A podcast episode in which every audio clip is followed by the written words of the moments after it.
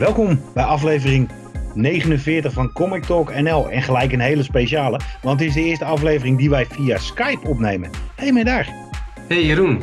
Ja, dit, Ga jij vertellen waarom we het via Skype doen of uh, heb ik die schuld? Ja, nee, dit, het jij is, bent de reden. Ja, het is helemaal mijn schuld, uh, helaas. ik ben, uh, ja, net als Jeroen een paar weken terug, heb ik het nu opgelopen, het COVID-19-virus. ik voel me wel redelijk nu, uh, maar ik, ik, ben nog steeds niet krachtenvrij, dus dan uh, ga ik natuurlijk niet uh, in een comic cave op de vloer rollen. Want ja, voor je het weet heb ik weer iemand aangestoken. Dus dat, sinds, wanneer rol, sinds wanneer rol jij op mijn vloer?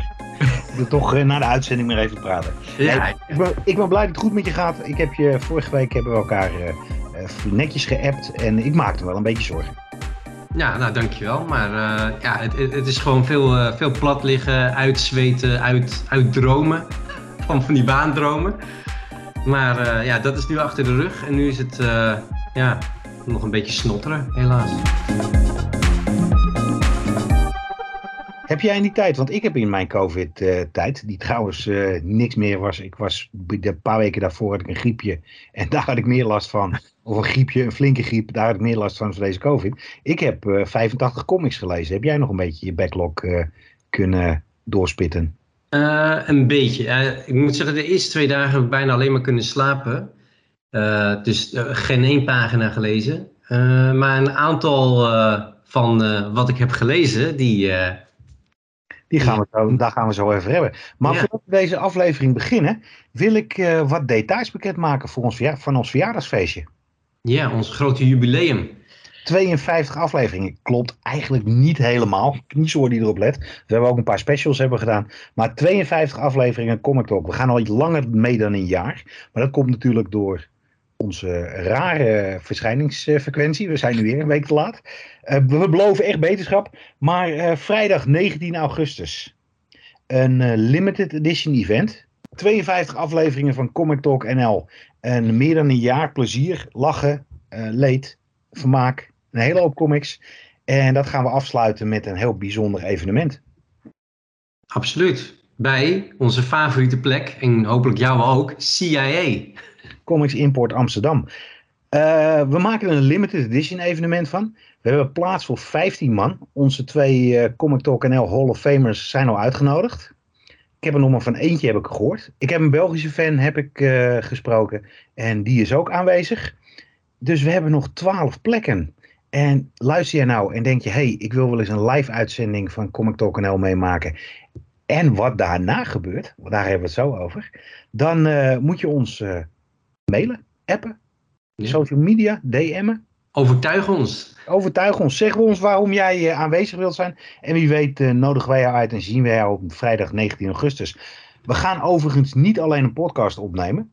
Want na de podcastopname gaan wij uh, de, ons uh, eerste jubileum afsluiten met de grote...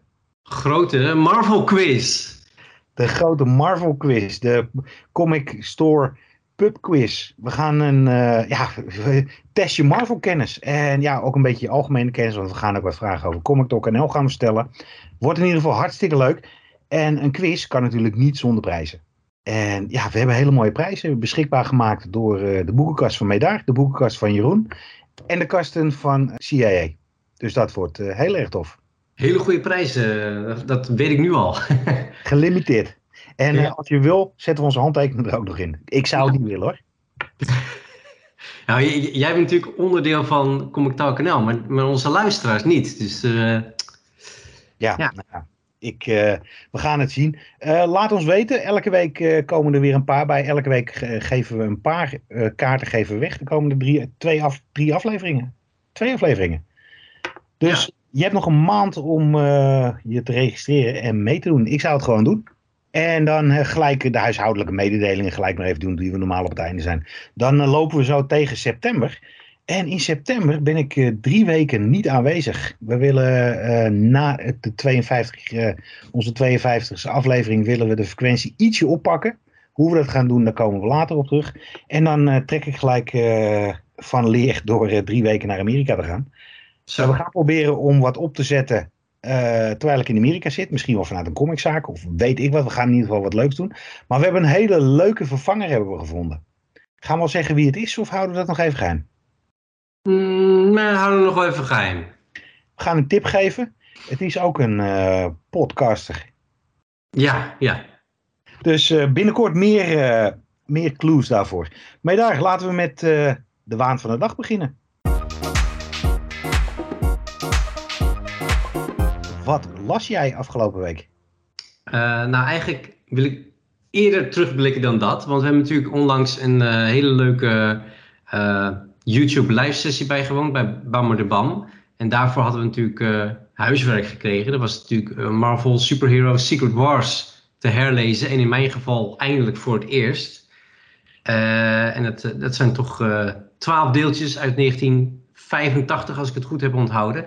Ik, trek, ik stap eerst even heel hard op de rem. Voor de mensen die de YouTube-uitzending niet hebben gezien, die kunnen nakijken op YouTube. Tada, soms is het leven heel makkelijk. Op Bammer de Bam gaat het zeker doen. Heel leuk gesprek. En ik was toen verbaasd en ik speel nu of ik heel verbaasd ben. Mee daar! Een comic uit 1985. Baanbrekend, groots, fantastisch. Die heb jij in 2022 voor het eerst gelezen? Ja. WTF. Dat, ik, ik, vond het ook uh, heel bijzonder. Ik, het, het, is, het, het ligt deels omdat ik vaak heb gehoord dat het niet zo heel veel voorstelt. Het heeft natuurlijk veel in, of impact gehad op Marvel. Maar het is niet per se een kwalitatief goede comic, heb ik altijd begrepen. Uh, nu ben ik een paar jaar geleden begonnen om de Chris Claremont run op X-Men opnieuw te lezen. En op een gegeven moment gaan ze natuurlijk daarin uh, ja, een soort segue maken naar Secret Wars. Dus dacht ik, ja, nu moet ik hem lezen. Maar ik vond die trade paperback en een hardcover omnibus allemaal out of print. Dus wanneer ik hem vond, was gelijk 150 euro of meer. Toen dacht ik, heb ik dat ervoor over? Dus toen dacht ik, nou, laat maar. Uh, ik wacht wel tot hij een keertje op Marktplaats komt voor een tientje of zo. Uh, gebeurde ook niet. En toen kwam uh, Jacarino van uh, Bammer de Bam bij ons van... kom, we gaan Secret Wars bespreken op, op mijn YouTube kanaal. Dus toen dacht ik, oké, dan... Dus ik heb hem toen ja, hals over kop digitaal aangeschaft. En in een weekje doorheen ge, gejast. ja, ik, ik, ik wist dat Mike Zack het tekenen. En, hem ken natuurlijk van Kravis Last Hunt en uh, een Punisher miniserie. Fantastische tekenaar. Alleen niet op Secret Wars. Daar is hij heel karig, heel erg identiteitsloos zou ik willen zeggen. Um, en het verhaal... Ja, ik, ik ken hem natuurlijk wel vanwege samenvattingen en dergelijke. En ja, prima verhaal. Uh, alleen hoe, de schrijfstijl is sowieso gedateerd, maar dat, dat mag uh, na bijna 40 jaar. Maar ik, ja, het. het, het uh... De schrijfstijl is de oude editor-in-chief van Marvel, Jim Shooter, toch? Ja, klopt. Ja. ik ben eigenlijk wel blij dat ik er niet honderden euro's voor heb neergelegd, zodat ik een hele dikke hardcover voor, van heb in mijn kast. Want dat, dat is in mijn ogen niet, niet waard. Jij hebt hem ook herlezen. Ja, ik heb hem ook, nou, ik heb een poging gedaan tot herlezen. Ik heb wel de dikke hardcover, die heb ik toen gekocht uh, toen hij uh, gewoon uh, nog maar, tussen aanhalingstekens, 75 dollar was. en ja, ik ben begonnen en toen dacht ik halverwege deel 1, oei. En toen dacht ik halverwege deel 2, oei. En toen dacht ik daarna gelijk, ja weet je, in een wereld waar je zoveel goede comics hebt, waarvoor ga ik met tijd uh, besteden aan het herlezen van crap. Ja. Toen ben ik, uh, heb ik doorgebladerd. En uh, toen heb ik het. Dus ik heb de eerste anderhalf, het eerste anderhalf deel. En het laatste deel heb ik gelezen. En ik, ik ben het helemaal met je eens. de tekenaar Zack is echt, heeft waanzinnig toffe dingen gemaakt. Ik vul daar nog even de Captain America serie bij. Oh ja. ja. die die heeft gedaan. Craven's Last Hunt van Spider-Man is natuurlijk wel qua, qua art een klassieker heel erg mooi. Wat hij uh, bij de Punisher uh, Circle of Blood, heet die miniserie geloof ik, gedaan heeft. Was ook heel iconisch. En dit voelt een beetje als, een, als fluff. Een beetje tussendoor. Ik weet een, uh, ja, aan de andere kant kan je ook zo zeggen, het is in ieder geval een stuk beter dan Secret Wars 2. Die door El Melgrim getekend werd. Want dat was echt om te janken. Ja, en, en het stomme is, is dat ik die Secret Wars 2 dus wel heb gelezen, ook als kind. Dus maar ik, ja, daar heb ik ooit een, uh, zo'n Junior Press omnibus van gekocht in de Bruna voor, uh, weet ik veel, een paar gulden. En uh, ja, daar heb ik me als kind wel mee vermaakt. Maar het is, het is een compleet ander verhaal dan dit natuurlijk. Ja, El Milgram is bij mij echt mijn, uh, nog meer dan McFarlane, dat is mijn uh, comic tekenaar Meneses. Elke, elke serie die hij overneemt, ik was heel erg gek van de Hulk als klein jochie. Ja. En, en, toen nam hij daar nam hij het over. Toen dacht ik van, oh, ik vind het een vreselijke tekenaar. Ja, ik, uh, ik, ik, kan snel niet voor de geest halen de, de, de, zijn tekenstijl. Dus dat is te lang geleden voor mij. Dat was me goed ook. Wat heb jij gelezen? Nou, dat zal je verbazen. Ik uh, ga openen met een uh, manga. Hey. Ja. The Man Who Created Gundam. Ik was uh, in Trier een paar weken terug op vakantie, een weekje. En ik liep daar een comiczaak in. En daar kwam ik achter dat ze een hele hoop Duitse comics hadden. Echt helemaal te gek. Ze hadden een hele hoop manga's. En heel weinig Engelse manga's en Engelse comics. Nou, de Engelse comics die uh, koop ik natuurlijk niet in Duitsland. En toen zat ik te kijken naar een One and Done. En toen kwam ik een heel dik boek tegen van Hideki Owada en Hajime Yatata en Yoshiyuki Tomino. Ik had nog nooit van de beste mensen gehoord. The Man Who Created Gundam. Ik vond uh, de, de cover vond ik echt kick-ass. Staat een kerel in een zwart shirt met zijn handen over elkaar en een zonnebril. Zo van Come Get Me. Uh, en dit gaat dus over de geschiedenis van een tekenfilm waar ik nog nooit van had gehoord. Uh, de Gundam. En uh. Het, het, toffe hiermee is, is dat het een. het, voelt, het voelt als een nagespeelde documentaire. Ja. Begrijp je een beetje wat ik bedoel? Ja, ik, ik, ja, ik kan even zo 1, 2, 3 niet een film bedenken. Nou, iets wat, iets wat waar gebeurd is en waar een speelfilm van is gemaakt. Ja, uh, en heeft hij, heel, waarom ik zei documentaire in het begin. Uh, bijna ieder hoofdstuk wordt afgesloten met een, uh, met een tekstverhaal, met een essay over wat je net gelezen heb, hebt. Dus het is een heel bijzondere manga. Het is echt een. ja, ik moest weer wennen dat ik van op de verkeerde volgorde moest lezen. Maar ik heb hem helemaal doorgedaan. Hij is in hoofdstukken ingedeeld en al die hoofdstukken zijn zo ingedeeld dat het, dat het heel makkelijk is om erin en eruit te gaan. Dus je leest twee hoofdstukken, je legt hem weg. Volgende twee dagen later lees je weer twee hoofdstukken. Ja, ik vond het waanzinnig. Het gaat over dus het maken van Gundam. Waar niemand vertrouwen in had. En door de bluff en de... Ja, nee, bluffpoker alleen van de regisseur. Uh, uh, is, dit een wereld, is dit een wereldwijd succes geworden. En ik heb een hele hoop geleerd over uh, manga's. Uh, de manga films. Want de Gundam films, uh, de tekenfilms in, in uh, Japan, werden gemaakt om Gundam speelgoed te promoten. Hey. Dat, dat, dat, wist ik dus niet. En we gaan het zo hebben over speelgoed. Dus dat is extra leuk. Nee, ik kan dit echt iedereen aanraden. Ik weet niet of het oud of nieuw is. Het zag er erg uit. Het kwam ook van een uitgeverij, Denpa. Daar had ik ook nog nooit van gehoord. Hij is redelijk aan de prijs. Ik moest 27 euro betalen voor een boek. Maar hij is wel heel dik. En ik heb ervan genoten. Het is wel eentje, een manga, een manga die ik niet in mijn collectie heb, want ik ga dit niet nog een keer lezen. Dus bij deze meedag, als je weer beter bent en je gaat de Comic Cave gaan winnen, dan ligt deze op je te wachten. Ik denk dat jij er heel veel plezier van gaat hebben. Top. Ja, nee, dit, dit klinkt echt uh, heel erg tof. Ja, dan heb ik uh, een nieuwe Image hardcover uh, original graphic novel, mondvol. De, en de titel is ook een mondvol. Dat is de Boneyard Orchard Mythos, The Passageway door Jeff Lemire en Andrea Sorrentino. Um, ja, dit welbekende duo die al heel veel horrorcomics uh, samen hebben gemaakt. En ook wat superheldencomics trouwens ook. Um, die zijn begonnen aan een shared universe van horrorcomics. Uh, met Free Comic Book Day kwam uh, ja, de, de, eerste horrorcomic verhaal in dat universum. Was een one-shot. enorme aanrader als je die ergens nog ziet liggen. Uh, en deze original hardcover is ook een one-shot. En, en, de link met het verhaal van Free Comic Book Day kan ik zo niet plaatsen. Maar misschien komt het later dat het allemaal connected blijkt te zijn door eenzelfde oerkwaad of whatever. Het, het, verhaal deed me, in de sfeer deed me een beetje denken aan The Lighthouse. Een film waar wij het niet over eens zijn.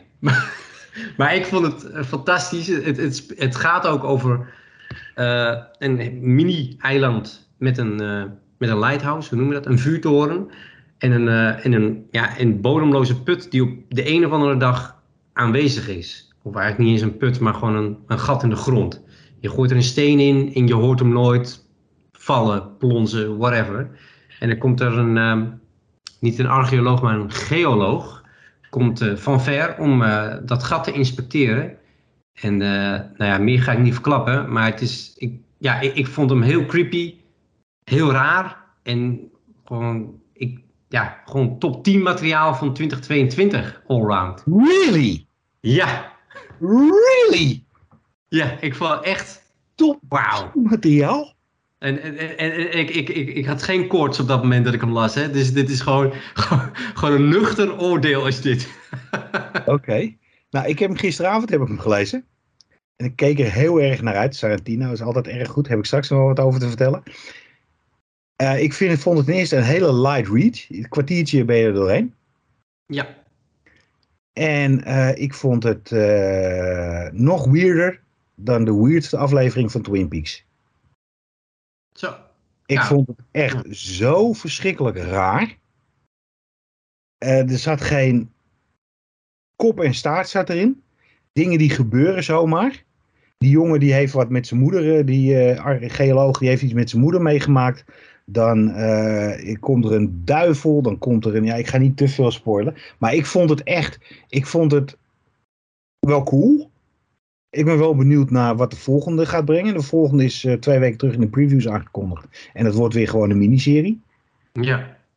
Ja, ik vond het wel cool, maar ik had ook gelijk, tegelijkertijd zoiets van... Oké, heb ik me hier nou heel erg op zitten verheugen? En nu we het daar toch over hebben, de tekenaar. Ja. Volgens mij is het een tracer. Ja, ja nou, uh, sowieso zie je duidelijk dat hij bepaalde ja, gebouwen of, of en, en, en natuurgebieden gewoon eigenlijk uh, op basis van een foto erin verwerkt, maar dan met uh, allerlei uh, ja, filters of whatever, bewerkingen. Ehm, dus dat klopt. Uh, maar waarbij ik sommige tekenaars uh, wel aan kan storen, vind ik het bij hem minder soms omdat hij hij plaatst het wel in een geheel wat heel erg uniek is. En zijn layouts zijn als geen ander. Dus ik, ik, ik uh, het, is, het is smullen geblazen. En, en ja, ik, ik, het, het, het werkt gewoon in het geheel voor mij in ieder geval. Ja, nee, ik was niet. Ik, ik dacht echt dat ik een uh, soort reckless uh, zou tegenkomen. Gewoon één keer in het jaar, twee keer in het jaar een uh, graphic novel uit. En ik ja. vond wel een beetje een cop-out dat er nu weer een nieuwe serie, een, een, nieuwe serie van twaalf delen gaat, gaat komen. Die ga ik overslaan. Want dit werkt, dit werkt uitstekend in trade paperback. Als je de, de shock value wil hebben. Want er zitten een paar dingen in dat je echt denkt van... Ja, ja ik, ik, ik, ik moest zeggen dat ik ook in het begin... Dan sla ik op een gegeven moment een pagina om. En dan moest ik wel uh, een beetje van... Ja, schrik is misschien niet het juiste woord... maar ik kreeg wel lichtelijk uh, kippenvel uh, ja? van... Nou, dus... Ik vond hem vooral creepy en weird. Ja, nou, maar, en, maar dat, dat, is het hier, dat is hij ook. Maar ik vond het wel ja, heel knap wat ze voor elkaar hebben gekregen op, op papier. Zeg maar, echt een goede horror read wat mij betreft. Dus, uh, maar ja, wat betreft vervolg, een miniserie, ga ik ook gewoon uh, geduldig wachten op de hardcover. Ja, denk ik ook. Nou, we blijven lekker in het uh, semi-horror genre. Want een paar weken terug is Clementine Book One uitgekomen. Geschreven door Eisner en Ignatz Award-winning author of On a Sunbeam, Tilly Walden. Ik had nog nooit van de beste vrouw gehoord, maar zij is een uh, young adult schrijfster. Die ook uh, helemaal gek van comics is. En voor degenen die Clementine niet kennen, The Walking Dead is fantastisch. Ik ga nu een hele boute uitspraak doen. De comics, ja, echt helemaal te gek. Maar de meest briljante Walking Dead, voor mij persoonlijk, is de Telltale Games. Dat is. Beter dan de comics? Ja. ja. Maar dat komt ook omdat je het meer beleeft en omdat je het achter elkaar kan spelen. Terwijl je in comics snapshots krijgt, is, was Telltale Games, de dingen die daarin meekomen. Daar heb ik dus echt heb ik een traantje uit mijn ogen moeten pinken. Meerdere keren. Zo. Het verhaal, de narrative was zo vreselijk goed. Uh, het was goed geacteerd. En een van de hoofdrolspelers die je ziet opgroeien gedurende die vijf, zes seizoenen die er in die game uh, verschenen zijn, is Clementine. En aan het einde van uh, de allerlaatste Telltale Games gebeurt er iets met Clementine en zij gaat zwerven. Het heeft dus niets te maken met The Walking Dead. Het heeft alles te maken met het Walking Dead universum, maar het heeft niets te maken met de Walking Dead die wij kennen vanuit de comics. Dit is uh, de Clementine uh, die uh, tegen de 1820 aanloopt en door de wereld, door de wereld op zoek is naar, ze weet het zelf niet, een beetje vergevenis. ze denkt veel aan de mensen die ze allemaal heeft verloren in die games. En zij komt binnen in een Mormoonse gemeenschap. En daar wordt ze opgenomen en daar blijkt een, uh, een, een, legende te gaan dat er op een berg een vliegtuig is die iedereen kan meenemen naar een, naar een betere wereld zonder zombies. Zij gaat op zoek en zoals je vaker hebt met zombiecomics en horrorcomics, niks blijkt wat ze dachten dat het is. Ja, ik, het is een zalige, het is best wel een lijvig boekje. Ik heb er bijna een uur aan gedaan om hem helemaal uit te lezen. Het is 200 en live even aan het kijken. Het uh, is uh, bijna 230 pagina's.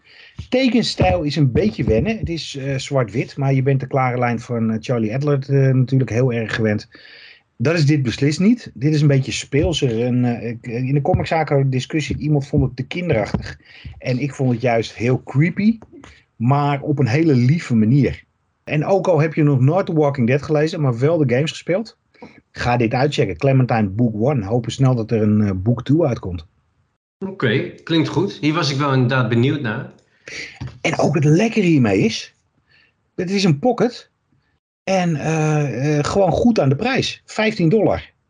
Zo, voor hoeveel pagina's? Ongeveer 250 pagina's. Oh ja, dat is schappelijk. Dus dat is, dat is, dat is gewoon een lekkere meepikker. Dan ja, heb ik weer eindelijk een keer een serie helemaal afgelezen. Dat, de, ja, deze stond al een tijd op mijn lijst. Ik wilde hem sowieso heel graag bespreken bij de podcast. Maar daarvoor moest ik eerst toch echt de hele serie uh, gelezen hebben van mezelf. Het gaat om Sovereign 7. En als je denkt, nou, dat zegt me helemaal niks. Ik zie Jeroen nee schudden. nou, we weten allemaal, Chris Claremont en X-Men, dat zijn twee handen op één buik. Behalve dan dat Marvel zo 1991 zei, ga maar uh, weg. Want uh, Jim Lee en X-Men, uh, dat wordt hem wel. En jij, jij schrijft alleen maar woorden. En Jim Lee tekent in ieder geval spierballen en zo. Dus nou, oké. Nou, daarna is dus Chris Claremont weggegaan bij de X-Men, weggegaan bij Marvel. En is hij bij nou, de meeste uitgeverijen wel wat begonnen. Dark Horse heeft hij een, een Alien, Alien Predator serie geschreven. Van alles en nog wat. En bij DC zeiden ze van nou we willen je wel uh, een interessante deal geven. We willen dat je uh, iets creator owned. Jij behoudt de rechten. En het mag uh, geïntegreerd worden in het grotere DC-universum. Nou, dat is natuurlijk... over mutanten gaan. Nee, het gaat niet over mutanten. nou, dat, dat leek Chris Claremont wel, want dat is natuurlijk een zeer unieke deal. Uh, Sovereign 7 gaat over zeven personen van verschillende planeten, of eigenlijk nee, van verschillende aarden, uit andere realiteiten die uh, allemaal kapot zijn gemaakt. En die worden bij elkaar eh, gegooid om ja, het kwaad natuurlijk te verslaan. De hoofdpersoon is een statige zwarte dame. en die heeft nogal een turbulente relatie met haar moeder. Moeder is een soort ja, dictator op haar aarde. En uh, nou, ze mocht niks. Ze wordt in gevangenschap opge uh, opgegroeid. Dus ze is heel blij dat ze daar weg bij is. Maar gedurende de serie kom je steeds meer en meer te weten over de relatie. Maar natuurlijk ook over de achtergrond van de andere uh, zes sovereigns. en het is. Ik, ja, uiteindelijk heeft de serie maar 6, 36 nummers uitgehouden. Een aantal annuals, een special en een paar korte verhalen in DC show, showcases. En het begint veelbelovend, maar je merkt gewoon dat Claremont eigenlijk te veel wilt in een te korte tijd. En het lijkt ook af en toe van de hak op de tak te gaan. Uh, dingen worden heel raar overgeslagen. Of ik mis gewoon dingen. Het, uiteindelijk brokkelt het een beetje helemaal af in een soort bijna onleesbare bende. en dan is het laatste nummer wel weer heel tof en zorgvuldig geschreven, waarbij een soort van alles weer bij elkaar wordt gepakt. En dan op de laatste paar pagina's, en ik ga het niet te erg spoilen, maar ik weet niet, Jeroen, of jij ooit het einde hebt gezien van de, die serie Roseanne uit de jaren 80, 90. Ja, ik geloof het. Ik weet, denk dat je wel weet waar je heen wil. Nou ja, zo'n zo, zo troef krijg je ook op het einde van Sovereign 7. En dat heeft dan te maken dat ja, Claremont dan toch de Sovereign los wil trekken van het DC-universum, zodat hij eventueel ooit nog wat nieuws met ze kan doen zonder het DC-universum.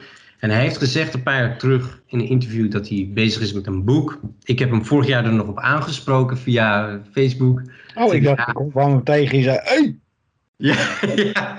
Nou, ik, ik, heb het wel iets liever gedaan dan dat. Maar hij zei, ja, het schrijven van een boek vergt gewoon veel, uh, veel tijd. Uh, dus dat, ik, ja, dat is er nog niet. Um, maar ik vond het in ieder geval heel tof om te lezen, ook al is het niet altijd even goed. Het is gewoon heel interessant wat, ja, wat Claremont doet met creator-owned uh, property, waarbij hij alle touwtjes in handen heeft en losgaat. En op een redelijk subtiele manier het DC-universum erin verwikkelt. Um, ja, ik, dat is super interessant. Uh, en ook ergens wel sneu dat het niet helemaal gelukt is of zo. Dat het niet een nieuwe Spawn of een Savage Dragon is geworden. We kunnen niet allemaal Spawn of Savage Dragon uh, zijn. Hè? En nee. McFarlane, of McFarlane, ik denk dat Clement uh, lekker op zijn pootjes terecht is gekomen. En nu van zijn retirement checks aan het leven is. Ja, nou, hij, hij, zegt dat hij nog heel graag wil schrijven. En hij krijgt natuurlijk over, wanneer, over twee weken of zo komt er een uh, Gambit miniserie van zijn hand. Zit je op te wachten? Nou, Nee, niet, niet, niet echt. Ik, ik, ik, ga hem wel kopen, lezen, alles. Maar ik, het, het wordt ook een flashback-serie. Dus dan denk ik, ja, van mij hoeven al die uh, trivia dingen niet worden ingevuld. Uh, geef hem gewoon wat nieuws te doen. In plaats van een stukje verleden in te vullen. Ja. Of in te kleuren. Save the best for last. Ja. Ik ben weer terug op Batman. Hey. Vorige week. Ja, het Batman en ik is een knipperlicht. Ja. Maar uh, onze grote vriend Chippy. Chip Zdarsky, uh, die, heeft, die heeft een heel tof Batman-verhaal geschreven. Jorge Jiménez heeft het getekend. Het voelt, dit nummer voelt als het moment dat Tom King Batman voor het allereerst schreef. Het voelt fris, het voelt origineel, het is heel filmisch. Er worden, er worden, er worden plot twisten gebruikt die je normaal alleen in films en televisie ziet.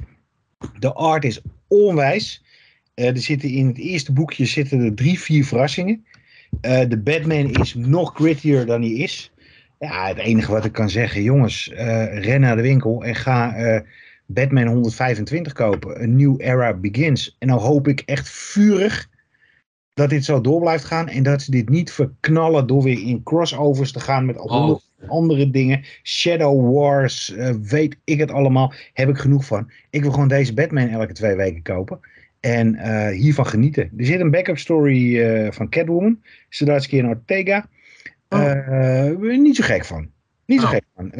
de grittiness van Gimenez' tekeningen uh, en dan komt Catwoman, het voelt een beetje als cartoony. Even om je een idee te geven.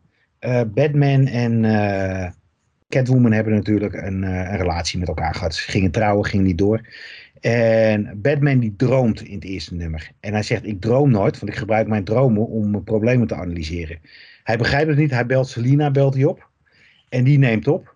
En dan hoort hij op de achtergrond ineens een gozer binnenkomen. Die zegt van, hé, hey, je bent toch geen koffie aan het bestellen? Dat, heb ik net gehaald. Dus Selina die is al moved on from Bruce. En dat maakt dit alles zo, zo veel meer echter. Het is niet meer de superheld van, oh jij schurk, kom hier, pats, boem, klets. Oh Joker, je bent weer terug, ik ga je dit keer stoppen. Dus daarna zit er echt een heel groot WTF moment. En uh, ja, dat wordt op een meestelijke manier geschreven. Nou zijn wij heel erg biased als het over Sadaski gaat. Ja. Heb jij je Salatie in serie al gelezen? Uh, nee. Dat, is oh, die, ja, ja. Oh, nee, nog niet gelezen. Ja, is, is ook erg leuk. Gaan we het, gaan we het over, vast over hebben als jij hem wel gelezen hebt. Ja. En uh, ja, dit, is, dit was fantastisch. Eén woord voor. Doe jezelf een plezier. Ik weet dat jij op trade paperback wil wachten. Kan ja. je echt aanraden. Ga dit gewoon lezen. Al is maar nummer één. Oké, oké, oké. Nee, dit, uh, ik kijk hier inderdaad enorm naar uit. Tekenwerk zag er ook goed uit van wat ik heb gezien. Dus uh, Misschien ook top 10 materiaal voor dit jaar. Wie weet, wie weet. Maar daar. Er komen Ja. deze week een hoop mooie boekjes uit. Wat moeten onze luisteraars hebben? Jullie weten het, ik ben een gigantisch groot fan van de Teenage Mutant Ninja Turtles. Er komt een crossover deze zomer. Eh, ik ben niet zo fan van crossovers, maar in tegenstelling tot Marvel DC is dit condensed tot twee series. Je hebt de hoofdserie en deze serie, miniserie, trapt het af. Het is de Teenage Mutant Ninja Turtles Armageddon Games Opening Moves. Nummer 1. Dit is een eh, gigantische mond vol. Eh, en afgezien dat dit dus een crossover aftrapt, waarbij de Red King eh, allerlei ellende veroorzaakt, ehm, is de terugkeer van schrijver Tom Waltz een big deal. Hij heeft de eerste 100 nummers van de IDW Turtles-serie geschreven. Daarna is hij weggegaan, andere dingen gaan doen. En nu, ehm, nou pak een beet, bijna drie jaar later, komt hij terug om eh, mee te schrijven aan deze crossover. En deze eh, Opening Moves-serie eh, gaat hij helemaal solo schrijven. Dus dat is eh, ja, het bekijken waard. Ehm, en het wordt getekend door Fernando Peniche. Ik hoop dat ik het goed uitspreek, waarschijnlijk niet. Ken ik niet. Eh, maar wat ik heb gezien ziet er wel, eh, wel goed uit, wel fris.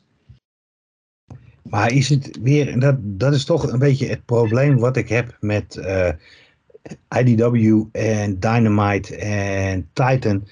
Ik heb wel zin te lezen, Ja, maar dan zie ik de art en dan denk ik van, eh, nou, bij de Turtles doet IDW het, het wel goed, vind ik hoor. Het. Niks te klagen. Maar is dit een, eh een eh, opstapserie of moet je hier weer eh, 180.000 jaar eh, Turtle History van we- voor weten? Nee, het, het- als ik het goed heb onthouden, duurt dit zomer-event zes maandjes. Dus dat is. Oh joh. Ja, het is niet kort, maar hè, dan heb je dus. Dat, nou, ik, ik vind dat wel te doen. Want dan heb je dus zes eh, Turtle-nummers. En eh, als ik het goed zeg, die opening moves duurt twee nummers. Acht comics in totaal. Je kan natuurlijk wachten tot de, tot de trade paperback. Of je gaat gewoon eh, twee keer per maand naar de, de comic store. Altijd heel fijn. Ja. Dus, eh, dus eh, als je interesse hebt in de Turtles, maar nog steeds niet begonnen bent aan de comic, is dit een, eh, een, een, een goede opening move. Jeroen, wat, eh, waar kijk jij naar uit? Nou, deze week eh, verschijnt een nieuwe Daredevil. Jee. Ze weer opnieuw beginnen. Chichetto en eh, daar hebben we weer, meneer Sadarsky. En ik hou mijn hart een beetje vast. Ja? Ja, ik hoop echt dat het heel goed gaat worden. Maar ik ga er ook vanuit dat dit gewoon niet zo goed is. De, ga je ervan uit? nou, de- de opbouw naar Devil's Reign en de uitwerking tijdens Devil's Reign was zo verschrikkelijk goed dat ik het wel best had gevonden als, we, eh, als Daredevil een bijfiguur zou worden in plaats van een, eh, van een, van een hoofdfiguur. Eh, Ja. nou, iedereen die weet onderhand met Murdoch is weer eens dood. En dit Ja. keer op een, de meest originele manier dan die vorige drie schrijvers hem dood hebben laten gaan. Ja, en juist de, de, de Catholic Guild en Matt Murdock maakte voor mij de interesse voor eh, de rouwdouwe Daredevil heel, heel hoog. En nu is het alleen Daredevil en Elektra, als ik de cover mag geloven. Ik hoop dat het goed is. Ik ga er ook wel vanuit dat het goed is. Maar eh, ja, dit is een eh, moet je hebben met enige trepidatie.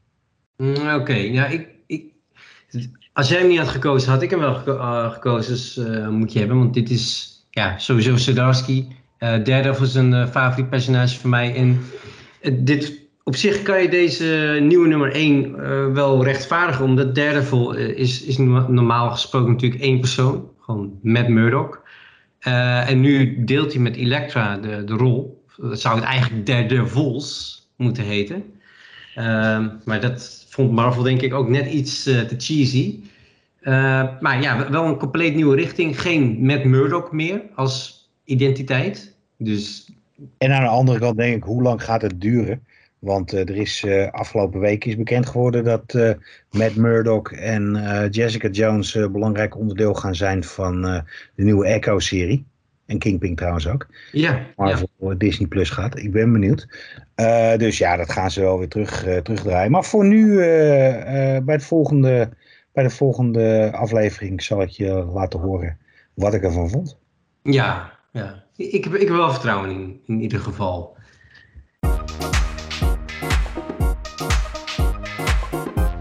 Wij uh, zijn best altijd even aan het stoeien over wat ons hoofdonderwerp moet zijn.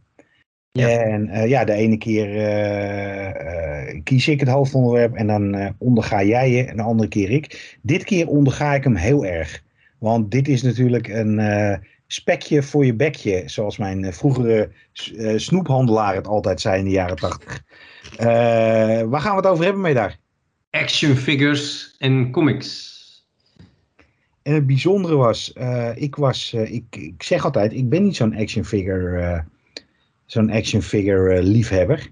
En toen wees jij mij heel erg. Zei, heb je al eens om je heen gekeken in je comic cave en je grote kast. Waar je allemaal gamezooi en comiczooi in poppetjes en figuurtjes en Lego erin hebt gegooid. Zeg hey, verdomme man, je hebt gelijk. Laten we dit gaan doen. Ja. Meda, ik ben zo benieuwd. Comics begrijp ik. Wat was voor jou het moment dat jij overstapte naar uh, action figures. En wat was je eerste action figure? Zo.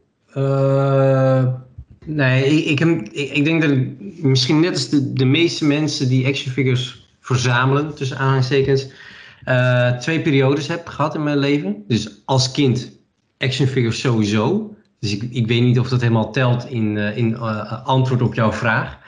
Uh, en later heb ik het opnieuw opgepakt. Ik heb het altijd wel interessant gevonden. Maar op, een gegeven moment, dan ben je, nou, laten we zeggen 16. Je hebt een beperkt budget uh, voor je hobby's. Uh, dus dan denk je, nou, van een comic voor zoveel euro. Ja, dat lees ik. Ik vind het leuk om te verzamelen. En de action figure, ja, dat, dat zet ik dan neer. is in verhouding ook meer geld. En ik doe er niks mee. Ik, kijk ernaar en de ene dag staat het daar en de andere dag staat het daar. Uh, maar, maar dat is het dan ook. Dus ik dacht, nee, dat ga ik niet doen. Dat vind ik zonde van mijn geld. Maar toen kwam corona en toen dacht ik, ah, ik vind het toch eigenlijk wel leuk. Zo ben ik wat meer in gaan verdiepen. Ik volgde toevallig ook wat mensen op Instagram en YouTube die er actief mee bezig waren. En toen ben ik er eigenlijk opeens, rolde ik erin. Toen kwam er één keer per week een poppetje binnen. En op een gegeven moment uh, vier poppetjes uh, per week. Ja, en, en, ga zo maar door. Dus uh, ja, ik, ik, ik, een verzamelaar vind ik een heel groot woord. Maar ik, ik hou ervan. Ik ben onlangs ook nog naar een, een beurs geweest. Toyzone in Amsterdam.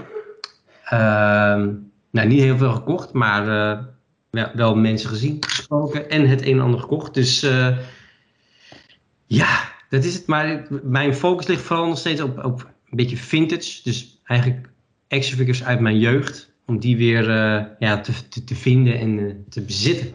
wat was je allereerste? Weet je dat nog? Nou, het was sowieso een turtle. Maar vraag me niet welke. Maar ik, nee, dat, ik, dat durf ik niet te zeggen.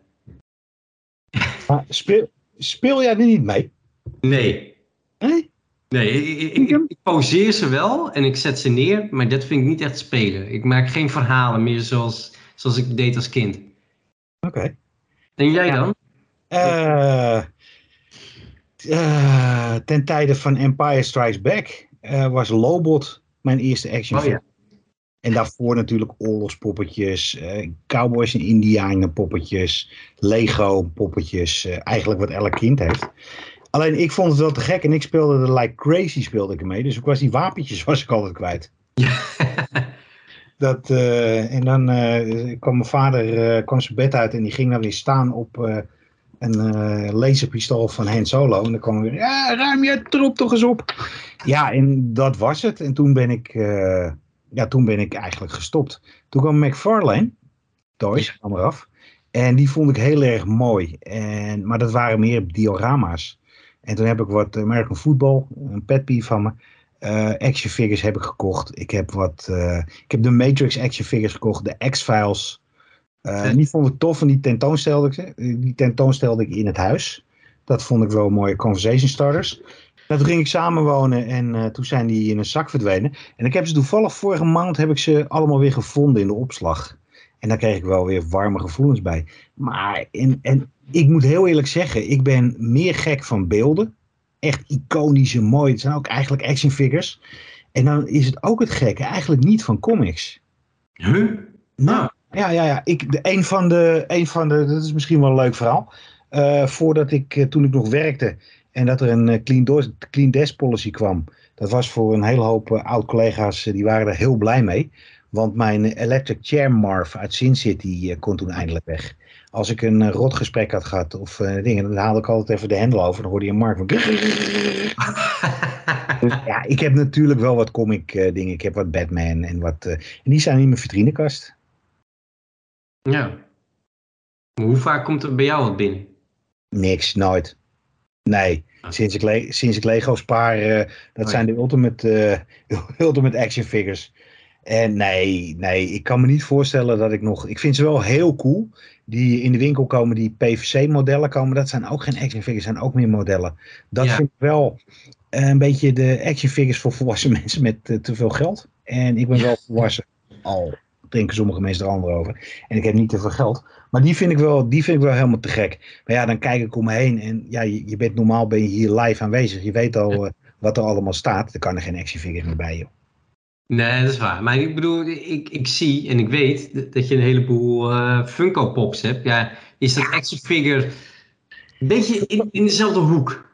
Funko Pop heeft voor mij ook een, uh, heeft voor mij ook een verhaal. Want uh, ik ben met Funko Pop begonnen een jaartje of maar ik kwam in Amerika voor de E3 voor mijn werk. En uh, daar hadden ze bij uh, een winkelketen hadden ze allemaal hele grappige poppetjes uh, in popculture beeldjes. Dus elke keer als ik op vakantie ging, nam ik er één of twee mee.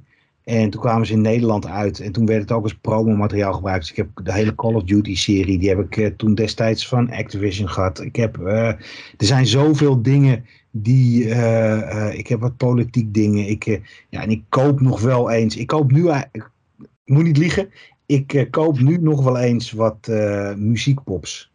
Die, ja. vind, die, die vind ik leuk. Kan je mooi op uh, bij plaatjes die ik op Instagram op Amsterdam Vinyl Stories, mijn andere account, Shameless Plug, zet. kan je die, kan je heel, dat is heel cool als er een zo'n pop bij staat. Dus daar koop ik er nog wel eens een van. Ja. Maar echte, echte action figures, ik denk het niet. Oké, mm, oké. Okay, okay. maar, maar jij dan, waar, waar word je blij van? Uh, ja, ik, ik hou sowieso van hele idiote, kleurrijke designs. Dus ik wil, ik wil gewoon veel zien, veel geprikkeld worden.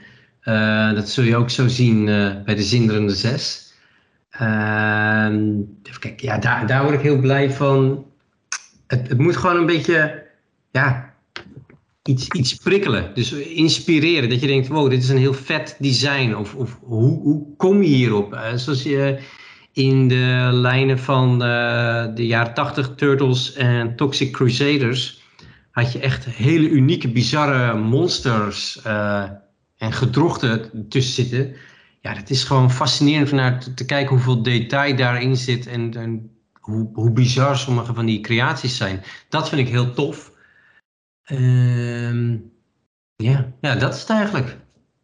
Maar wat ik wel heel tof vind, als mensen, uh, mensen helemaal gek van action figures zijn en zeker zo'n uh, speciale smaak hebben zoals jij dat hebt, uh, maak je ze zelf ook?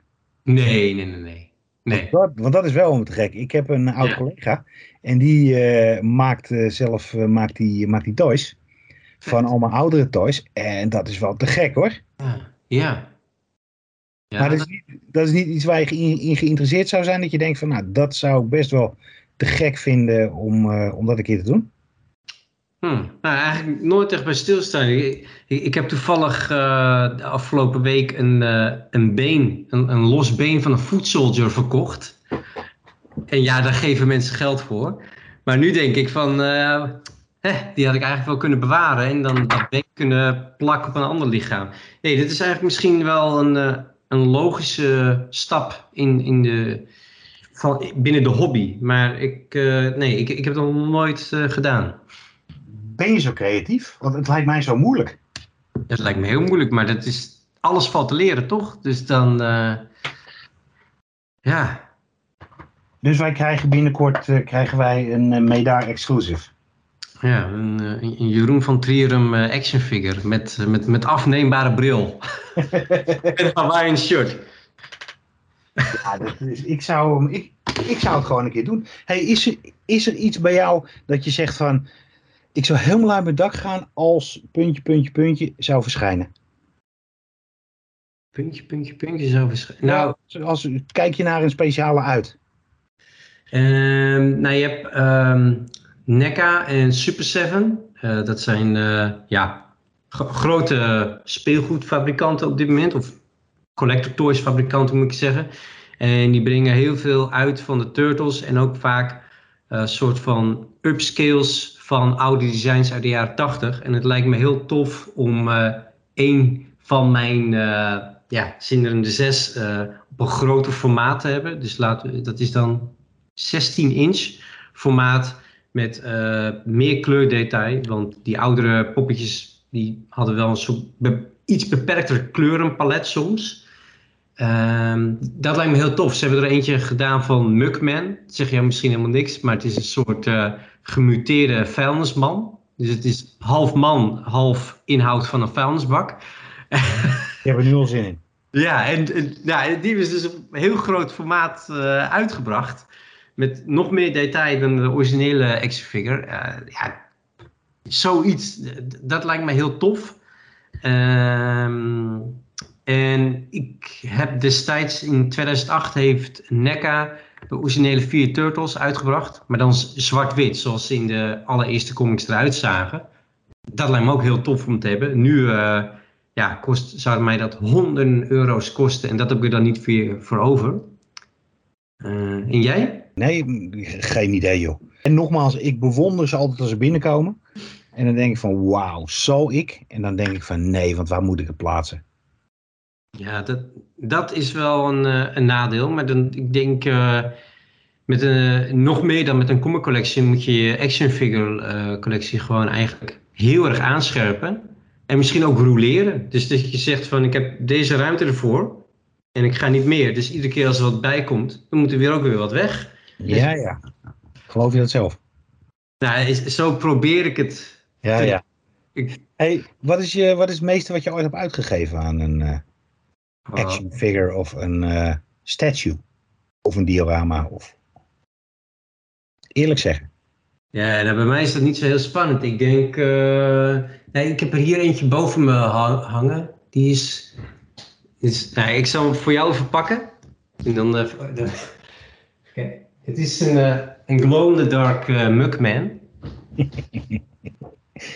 dus, eh, ehm, en die... Te zien op, onze, op ons Instagram en Facebook kanaal als deze aflevering live gaat. En die kon ik alleen uit Amerika importeren. Dus daar ga je natuurlijk al met verzendkosten en invoerkosten. Dus laten we zeggen dat het figuur zelf iets van 60 dollar was.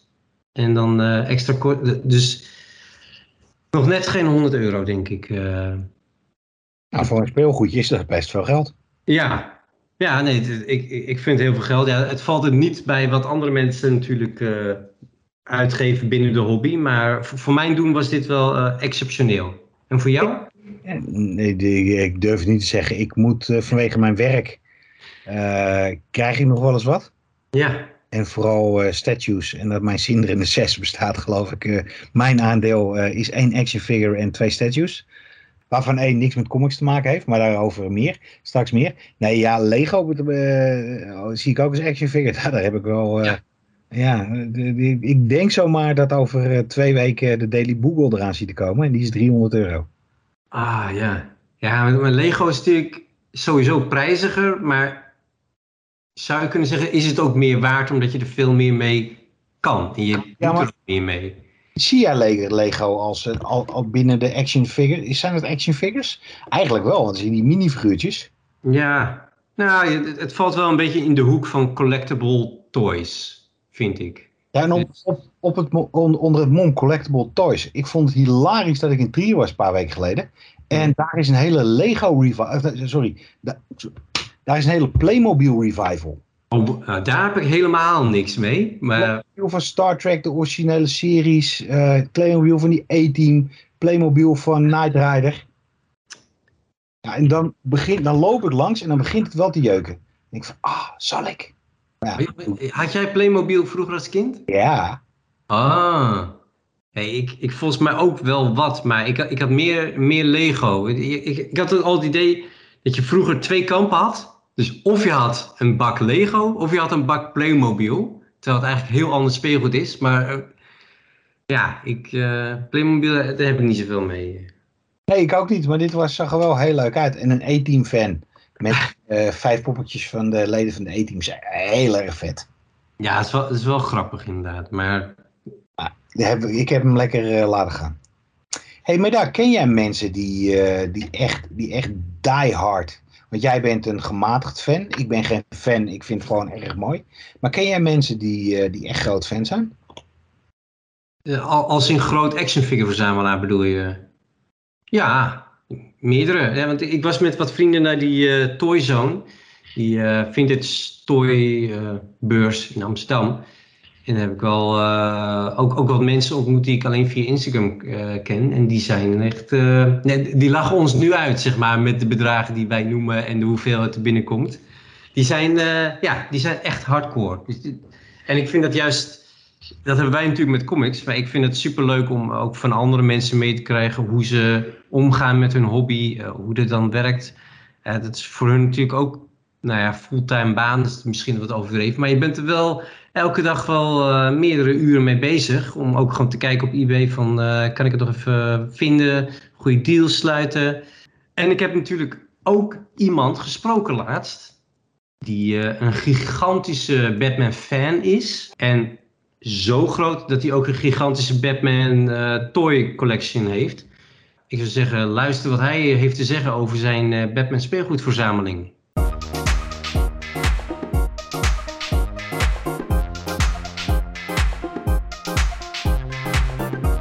Hallo Joost, jij bent uh, een van de grootste Batman-verzamelaars van Nederland, voor zover ik weet.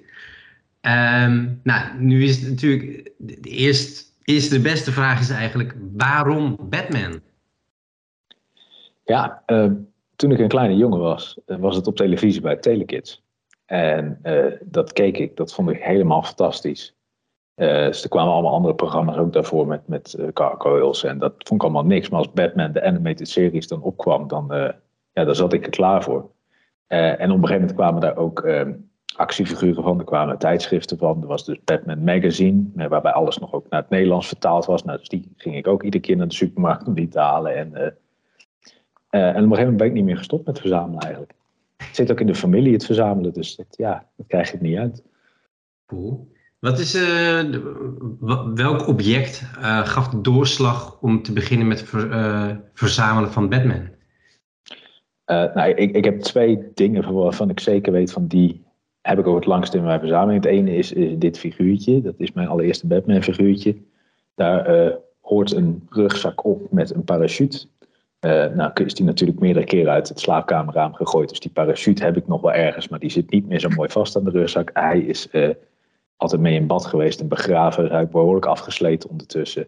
Deze en uh, ja, wat ik zeg, dat magazine, dat is uh, uh, deze, die kwam toen in veel fout uit. Hij, hij, valt nog niet uit elkaar. Ik heb wel heel erg hard mijn best gedaan om de, de, nummers die daarvoor kwamen ook ooit nog te vinden. Ik heb ze bijna allemaal, maar ja, het is wel iets wat ondertussen dus ja, bijna 30 jaar oud is. Ja, welke nummers mis je dan? Wie weet heeft een van onze luisteraars nog wel een stapeltje over. Uh, onder de tien. En dan heb ik ze voor een groot deel wel. Uh, oh. En dan de Nederlandstalige. En er staat nog mooi in, in guldens en in Belgische franken de prijs op de voorkant. Ja, ja van, uh, van Baldekijn, als ik me niet ja. vergis. Klopt. En, en, heb je ook een, een, een mooiste en een lelijkste Batman in je collectie? Uh, nou ja, de, lelijkste die is vrij makkelijk, want het hoeft voor mij niet allemaal officieel en echt te zijn. De lelijkste is eentje die een uh, vriendin van mij toen heeft meegenomen toen ze in Mexico was geweest. Uh, hij kijkt scheel, hij zit slecht aan elkaar en hij plakt gewoon van de kwaliteit verf die ze hebben gebruikt. Maar het, het is een Batman, het is iemand die hem vanaf de andere kant van de wereld voor mij heeft meegenomen. Ja, dat is voor mijn verzameling iets heel moois. Ja. Dus weet ik van heel veel dingen was nog te herleiden van, van wie ik het heb gehad of waar het helemaal vandaan komt. En uh, dat maakt het leuk. In je mooiste Batman collectible? Kijk, ik heb hier bijvoorbeeld, uh, het zijn niet alleen acties, ik heb dit is uh, een van mijn maskers. Ja. specifiek eentje die gemaakt is door Reeves. Dat is een, ja, een maskermaker en op de stijl van Hush. Dat is wel een van mijn favoriete stripseries van Batman. met wat kortere oortjes en dat soort dingen. En dat is de tekeningen van Jim Lee. Tegenwoordig een van de grote bazen bij DC, maar ook bekend omdat hij een aantal X-Men heeft verzonnen, geloof ik, bij Marvel. Dus nou, die, dat masker heb ik en ben ik heel blij mee. Alleen mijn, mijn hoofd is gegroeid over de jaren. Dus ik heb ook grotere maskers, gelukkig, die ik wel nog pas. Ja, want je gaat ook heel vaak, als ik het goed zeg, in cosplay als Batman over beurzen, toch? Ja, ja de, de, de Dutch Comic Cons en dat soort dingen, daar ga ik graag heen. Ook wel eens naar Fax in Gent geweest. Dus de, de, de, grootste van de Benelux, zover ik weet. en dat is gewoon leuk om te doen. Het enthousiasme van sommige mensen als ze Batman zien lopen is, is gewoon leuk. Daar doe je het ook voor een deel dan voor. en ik sta dan ook gerust in de rij. Ik heb bij Kenny van Dating for Geeks gerust een half uur in de rij gestaan voor het nieuwste stripje van hem. Kenny tekent ook iedere keer weer een Batman figuur als een van zijn karakters en dat soort dingen. De, en dan sta ik nog eens te wachten en dan komen al mensen uh, van allerlei leeftijden, dat ook. Dus er zitten mensen bij die vroeger Batman hebben gekeken, maar ook kinderen die dan naar je toe komen en naar je cape trekken van Batman, mag ik met jou op de foto? Ik zeg, ja hoor, jij mag met mij op de foto. Uh, Batman heeft natuurlijk een hele uitgebreide ja, rogues gallery, zoals ze dat uh, in het Engels noemen. Ehm, dus eigenlijk, als je zegt ik verzamel Batman, kun je natuurlijk zeg maar, een hele range aan, aan, figuren verzamelen. Maar is het dan ook echt Batman voor jou? Of heb je eigenlijk een favoriet uh, ander personage binnen het Batman-universum? Ik, uh, uh, het is het grootste deel Batman, maar ook allebei figuren heb ik ook. Ik heb ook genoeg Jokers en Harley Quinns en, en ook de, obscure figuren. Um, ik vind Red Hood een van de interessantere figuren. Dat is de tweede Robin die vermoord werd door de Joker later weer terugkwam. En toen als een soort van slechterik. En toen een beetje in de tussenvorm tussen goed en slecht. En uh, zoekende naar acceptatie door Batman. Het is een heel veelzijdig karakter daardoor eigenlijk geworden. Uh, met een heel bizarre verhouding met de Joker. Omdat de Joker hem dus ooit vermoord heeft. Uh, maar daar heb ik nog geen figuur van. vreemd genoeg. Die vind ik dus het interessant. Maar ik heb nog niet een figuur gevonden dat ik denk van ja, die vind ik echt mooi genoeg. Want ik koop echt niet alles. Uh, dan is mijn huis te klein. Maar uh, ik heb van de meeste karakters toch wel één figuur ergens staan. Gewoon, ik denk van ja, ik wil wel de, de, de breedte inderdaad en de veelzijdigheid van die, van die Rose Gallery wil ik dan wel hebben. Uh, maar dan zoek ik ook wel wat aparte dingen. Want er komt iedere, nou met de nieuwste film kwam al een hele stapel nieuwe figuren ook weer uit. Ik heb er één van gekocht. Eentje waarvan ik zei van oké, van die Riddler, die is weer dusdanig uniek, die wil ik dan hebben. En ik heb nog wel een paar andere dingen van de film gekocht. Maar die Riddler dacht van oké, dan een beetje inperken dat het nog behapbaar blijft bijvoorbeeld ook die heb ik hier staan, is, uh, uh, dit is de Joker en dit is dan degene die erbij hoort van Batman. Dus echt wel gewoon de, de oude 70s met het de blauwe kostuum voor een groot deel. ja, het is een heel klassieke Joker. En daardoor is die ook juist wel heel erg mooi. En dit is een set die dan een keer gewoon, waarvan iemand mij heeft benaderd van, joh, dit, dit wil ik graag verkopen. En ik wil dat het ergens goed terecht komt. Uh, dus je zei ook al van ja, e-, e-, een van de Batman-verzamelaars. Meestal kom ik andere Batman-verzamelaars tegen als ze stoppen met verzamelen. Uh, want dan, dan kom ik een verzameling tegen en dan mag ik hem overnemen als ik interesse heb. Hoe vaak heb je dat al gedaan? nou, ik probeer niet altijd alles op te kopen, maar ik heb dan wel van, een stuk of drie uh, collega-verzamelaars gezegd van oké, okay, jij hebt gewoon alles in dozen en je doet het voor een schappelijke prijs. Dus dan heb ik opeens weer drie bananendozen die ik door te zoeken heb. Dus sommige dingen heb ik ook ja, dubbel. Er zijn echt jaren negentig dingen die heel veel grote oplagen zijn uh, opgeleverd. Maar soms zit er ja, zoiets uniek tussen, dus als deze pop, ja, dan ben ik gewoon super blij. Je zei net eigenlijk al dat je een, uh, toch een redelijk beperkte ruimte hebt. Dus dat je niet alles koopt en ook niet kan kopen. Wat voor regels hanteer je? Want je zegt nu ook dat je af en toe een collectie opkoopt. Hoe, hoe hou je het in toon? Ik, uh, bijvoorbeeld die Funko Pops, daar kun je alleen al helemaal schil aan kopen. ik heb er vier, denk ik. En dan ook wel vier dat ik zeg van oh, die zijn apart. Of die heb ik gekocht ergens op vakantie. Dat ik denk van ja, deze heb ik daar vandaan meegenomen. Dus dat er iets wel van een extra betekenis uh, en gevoel bij zit. Uh, dus op die, dat momenten zeg ik van ik hoef niet alle Lego te hebben. Maar als ik een paar dingen Lego heb, ik heb een paar autootjes. Uh, ja, dat, dat, dat, dat, maakt, dat vind ik juist het interessante, de veelzijdigheid van die verzameling. Inderdaad, ik heb dan vier van die stellagekasten op een kamer staan. Die staan ook goed vol. Dan heb ik er nog een kist naast staan met dingen die ik nog eigenlijk uit moet zoeken. En er kwam nog eens bij dat ook de stripboekenverzameling die ik samen met mijn vader verzameld heb, uh, die staat nu ook erbij in die kamer. Dus aan de overkant staat weer een kast en daar staan onze uh, ja, stripreeks die wij hebben. Dan mag ik ook aannemen dat er binnen jouw familie wel, ja, hoe zeg ik dat, niet heel verbaasd wordt gereageerd op jouw Batman-collectie. Nee, nee, dat is gestimuleerd volgens mij. Uh, het zit ook in het bloed. Het, uh, nou, maar ik ben met mijn vader altijd naar stripbeurzen geweest. En dan is het gewoon inderdaad van welke susjes en wiskers moesten we nog. En dan ging, neem jij die bak neem jij die bak. En dan gewoon doorwerken. En uh, ja, ja. sommige zijn tweedehands en helemaal kapot gelezen. Ja, dat geldt ook voor heel veel van mijn speelgoed, van mijn Batman dingen. Ik heb van die kleine husky autootjes uit de jaren 60 van de oude Batmobile. Die heb ik, ik denk wel een stuk of zes. Maar dan heb ik een collega of iemand bij basketbal kwam laatst naar me toe. Jij verzamelt op Batman? Ja, nou kijk, deze heb ik nog liggen van vroeger. En dan zijn de raampjes kapot of de wieltjes helemaal los of zo. Maar maakt niet uit. Iemand die dus denkt van, joh, dit is mijn jeugd. En daar doe ik Joost de plezier mee. Dat mag die van mij hebben. Ja, dat, dat maakt het voor mij juist extra leuk. Heb jij één ultiem bizar of stoer verhaal uh, met betrekking tot een Batman action figure? Van hoe je hem hebt bemachtigd of uh, hoe je hem hebt gekregen? Ik heb wel eens op een, uh, op een beurs gestaan, inderdaad. En dat er dan iemand zei: van je hebt zo'n tof pak. Dat ik gewoon een tientje eraf kreeg of zo. Dat ik echt zo stond van, maar waarom dan? Ja, maar ik vind, ik vind je pak zo gewoon zo ontzettend gaaf. Ik denk, dit is echt gewoon een compliment voor mij. Dat, ja. Dat was ook gewoon niet zo'n professionele handelaar. Duidelijk gewoon een hobbyist die een stapelfiguur heeft en daar een beetje in handelt. En zegt van, ja, maar jij bent duidelijk een fan hier. je mag het voor minder meekrijgen beetje hetzelfde wat ik zeg met die verzamelaars en met die collega's. Er zit een enorme gunfactor er wel in als je, je je fan zijn zo uitdraagt, zeg maar. Want je had het net al over um, een paar stellagekasten.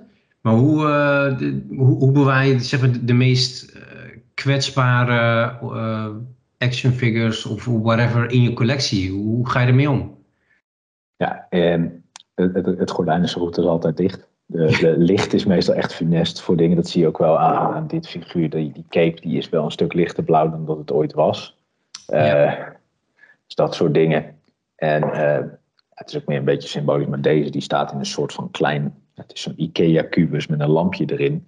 Uh, dus hij staat erin. En ik heb wat filmcellen van de Dark Knight. Die liggen op de bodemplaat. Want er zit een ledje in. Dus als ik het dan aanzet heeft het een heel mooi effect. Dat soort dingen. Ja.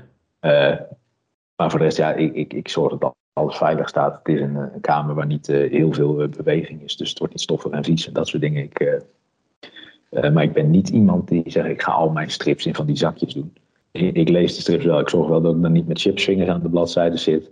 Ook wat ik net zei over mijn, mijn stripverzameling. Dat zijn ook dingen die zitten soms nietjes aan elkaar. En die zijn duidelijk helemaal stuk gelezen over de jaren. En dat, dat is het ook eigenlijk voor. Ik moet wel zeggen dat als ik uh, uh, mijn neefjes of mijn peterkind op bezoek heb, van, die willen dan wel eens kijken. En die staan dan met de mond van, wat is het toch ontzettend veel. en dan zit hij van, mag ik daar mee spelen? Ik zeg, nee, daar niet mee, maar hier, hier mag je wel mee spelen. Want ik maak wel een beetje van, ja, dit is een figuur wat toch aardig wat heeft gekost. en jij bent een heel enthousiast jongetje. dan pakken we toch wel even iets, ja. Ja, iets, iets kindvriendelijkers. Wat is jouw favoriete Batman-incarnatie? Toch wel Hush. En, en zeg maar de hele reeks die er dan daarna uitkomt. Dus Hush is gewoon een, een hele goede strip. getekend door Jim Lee. Daar zit dan ook, is dat eigenlijk volgens mij goed op de introductie van Red Hood daarna. En er komen zoveel spin-offs. Hush, het karakter zit er ook voor het eerst in. Dat is ook een figuur waar ik, of één actiefiguur heb ik daarvan. Dat ik echt zoiets had van, ja, die is ook nou, tof verhaal. En vooral ook dus dat je zegt, het is een jeugdvriend uh, van Bruce Wayne. Dus dat ook de, die vermenging tussen uh, Batman en zijn, alter ego. Of ja, Bruce Wayne en de alter ego. dat die er zo in zit. En dat is ook wat de reeks die ik nou aan het lezen ben. Of herlezen ben van City of Bane. Waar die uiteindelijk naartoe leidt. Ja. wat die zo goed maakt. Als mensen meer van jou willen weten, zien. en vooral van jouw collectie. Waar kunnen ze naartoe? Ik ben langzaam maar zeker bijna alles van mijn verzameling aan het showen op Instagram. Batman Collector underscore Joost. En dat is een, een afwisseling tussen uh, gewoon standaard figuren die nu uitkomen. Dingen die ik van heel vroeger heb. Het is echt niet allemaal officieel. Er zitten de meest obscure dingen bij ook die je kan bedenken. Ik heb bijvoorbeeld, iemand heeft ooit een keer op lege verpakkingen van medicijnen een Batman figuur getekend. eh, die uitgeklapt was. En ik denk van, dat is raar. Het is Batman, dat moet ik hebben. Nou, dat soort dingen post ik dus ook. Eh, en ook dan de, de Batman strip die ik op dat moment aan het lezen ben. Oké, nou dan uh, dankjewel en tot ziens. Ja, heel graag gedaan en tot ziens. De zitterende zes. Jeroen, jij hebt maar één action figure. Ja. En twee statues. Ja, klopt. Nou, trap maar af met jouw action figure. Mensen die me een beetje kennen weten welke dat is. Nou, ik voel me aangesproken, maar ik heb echt geen idee. Het is de, uit 2005, de McFarlane Toys Conan of Chimeria. Hmm. Ik ga of ik die wel eens heb gezien bij jou. Maar... En, nee, want die kwam ik in mijn, uh, wat ik vorige maand, uh, mijn oude, oude action kwam. En daar kwam ik hem tegen. En ik uh, zag op eBay dat die 85 dollar verkocht wordt. Zo. En ja, ik heb, er nooit, ik heb er nooit mee gespeeld. Maar zoals action figures in mijn idee en ook hoe McFarlane. Er zit een mooi standaardje zit erbij. je kan hem op verschillende manieren kan je hem posen. En uh, ja, het een hele grote rode cape. Ja, kick-ass. Echt helemaal te gek. Zeg maar, een mooi bruggetje naar wat ik uh, de Toyzone beurs heb gekocht. Uh, en dat was toevallig bij de stand van Ed Retro Geek Out. Een ja, heel populair YouTube kanaal onder action figure verzamelaars. is een, ik laat hem nu even zien aan Jeroen, is een Dead Eye Duck van Bucky O'Hare. En de link met comics is Larry Hama, die kennen we natuurlijk allemaal van uh, Wolverine en G.I. Joe comics. Heeft met uh, Michael Golden, die we ja, van Marvel Fanfare en die... Jackie Chan. Jackie Chan en een heleboel andere comics. Een fantastische tekenaar. Die hebben samen een comic gemaakt, nou, genaamd Captain Bucky O'Hare. en de hele insteek van die comic was om al die personages zo te tekenen en zo te ontwerpen dat het direct trouwe action figures zouden kunnen worden. Want vaak heb je een action figure op van een cartoon of een comic. En dan zie je dat allemaal concessies moeten worden gemaakt. Omdat ja, de armen moeten toch kunnen bewegen. En het moet toch uh, niet groter zijn dan 15 centimeter. En het moet uh, worden, weet ik veel wat. Dus ze zeiden van het moet dus gelijk een beetje chunky. We moeten rekening houden met, met dat de armen kunnen draaien en zo. Uh, en dat is natuurlijk een behoorlijk unieke insteek. Uh, ja, en een paar jaar later, nadat die comic uh, ja, redelijk deed, is er dus een action figure aangekomen en een tekenfilmserie. Is allebei niet heel succesvol gebleken helaas, want er is maar één lijn uitgekomen van de action figures en van de tekenfilmserie maar één seizoen geloof ik. Uh, maar ja, heeft toch wel indruk op mij gemaakt. Ik vond het al een heel toffe cartoon. En toen ik deze Dead Eye Duck, eigenlijk een soort Daffy Duck in een oranje pak, met een hm? En meerdere handen. Ja, en, vier armen, twee benen, een ooglap en een rode pet. Ja, wat wil je nog meer? Dus uh, ja, dat, toen ik hem zag, ik moest hem hebben. Ik vind hem eigenlijk toffer dan uh, Bucky O'Hare. Uh, het is een groen konijn in een rood kapiteinenpak.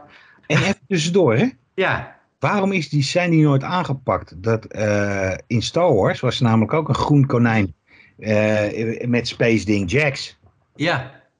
En uh, dat. Tot, tot, tot zover mijn geek bijdrage, sorry. Ja, nee, maar dat is inderdaad wel. Uh, die, die lijken heel erg op elkaar, visueel. Maar ik, de, het mag net of zo. Of iedereen had zoiets van, nou ja. Niemand kan tegen Star Wars op. En uh, ja, weet je, probeer maar wat leuks te maken met je Captain Bucky O'Hare. En uh, nou ja, dus één seizoen uh, was het ook weg. Ik, ik denk misschien als uh, Bucky O'Hare groter was geworden, dat Lucas wel wat had ondernomen. Maar in jouw statue. In de goede oude tijd dat ik in de gamesindustrie werkte, werd je echt overladen met cadeautjes als er een nieuwe game uitkwam. En uh, die cadeautjes die uh, varieerden van cd's tot uh, Prularia t-shirts, weet ik wat allemaal.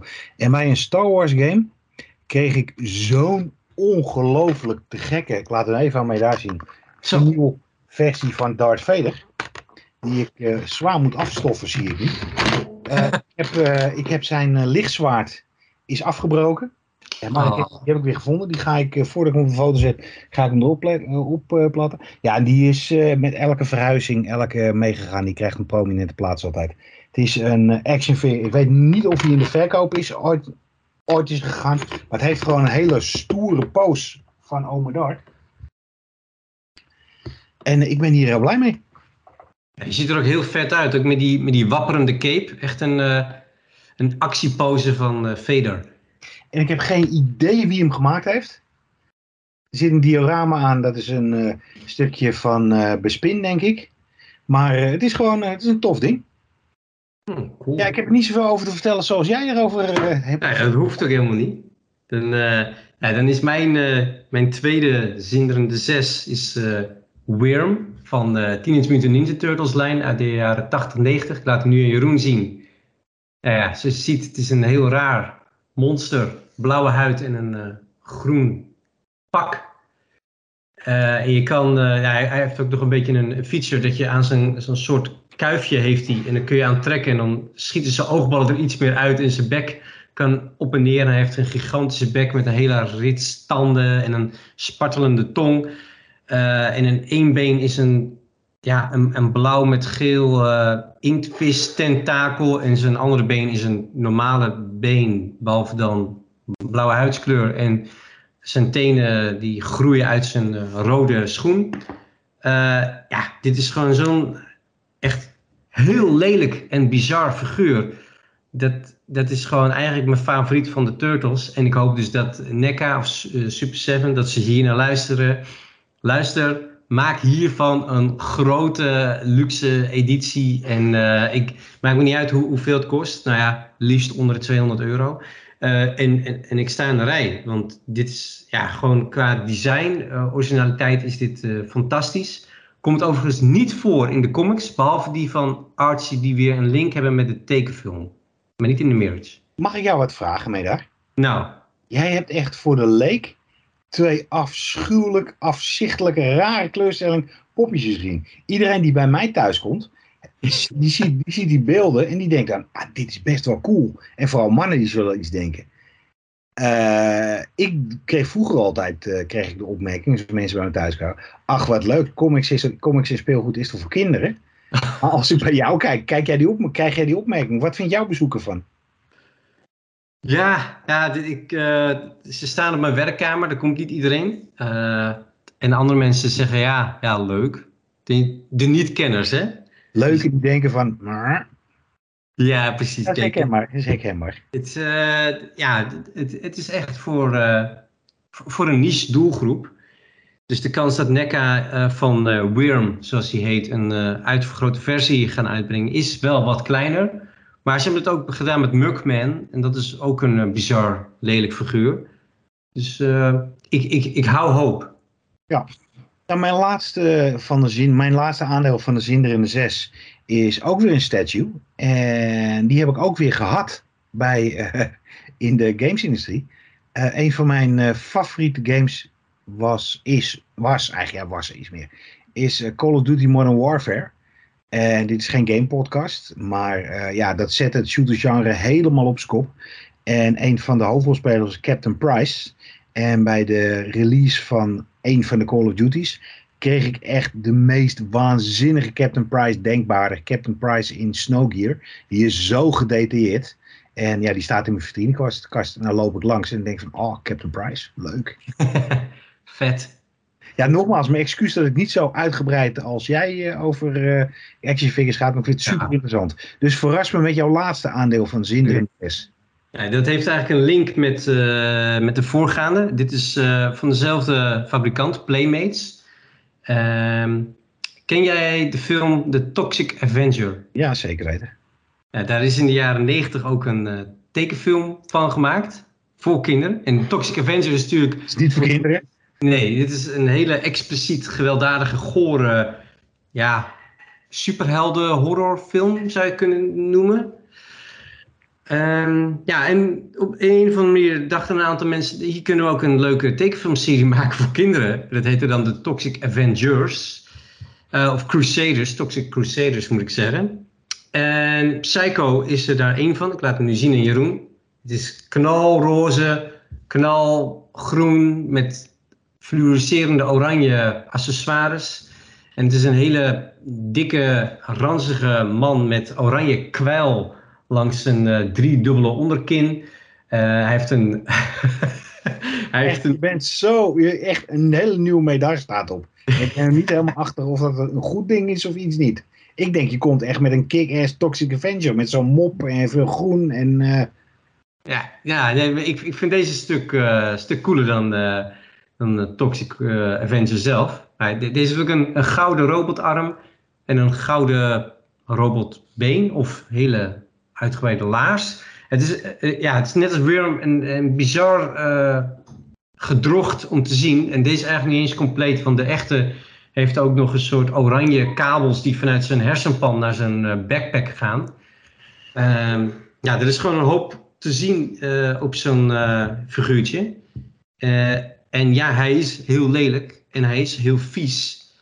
maar dat maakt hem juist heel tof, voor mij in ieder geval. heel tof om deze kans van je te zien. we hebben heel veel enthousiaste reacties gehad van jullie op onze Nederlandse strip aflevering van een uh, paar maanden terug inmiddels alweer. En uh, nou ja, Jeroen kreeg de smaak te pakken. Ik ook wel trouwens, maar Jeroen is natuurlijk onze Nederlandse strip-expert. Uh, en die heeft weer een nieuwe ja, topper van Nederlandse bodem te pakken. En we gaan vanaf nu elke aflevering één Nederlandstalig stripboek. Een Nederlands, of Nederlandstalig stripboek. Dat is in het Nederlands geschreven, mogen ook Franse of andere zijn. En dit keer is het De Dikke Stok van Barbara Stok. En Barbara Stok is uh, al 25 jaar uh, schrijft ze autobiostrips.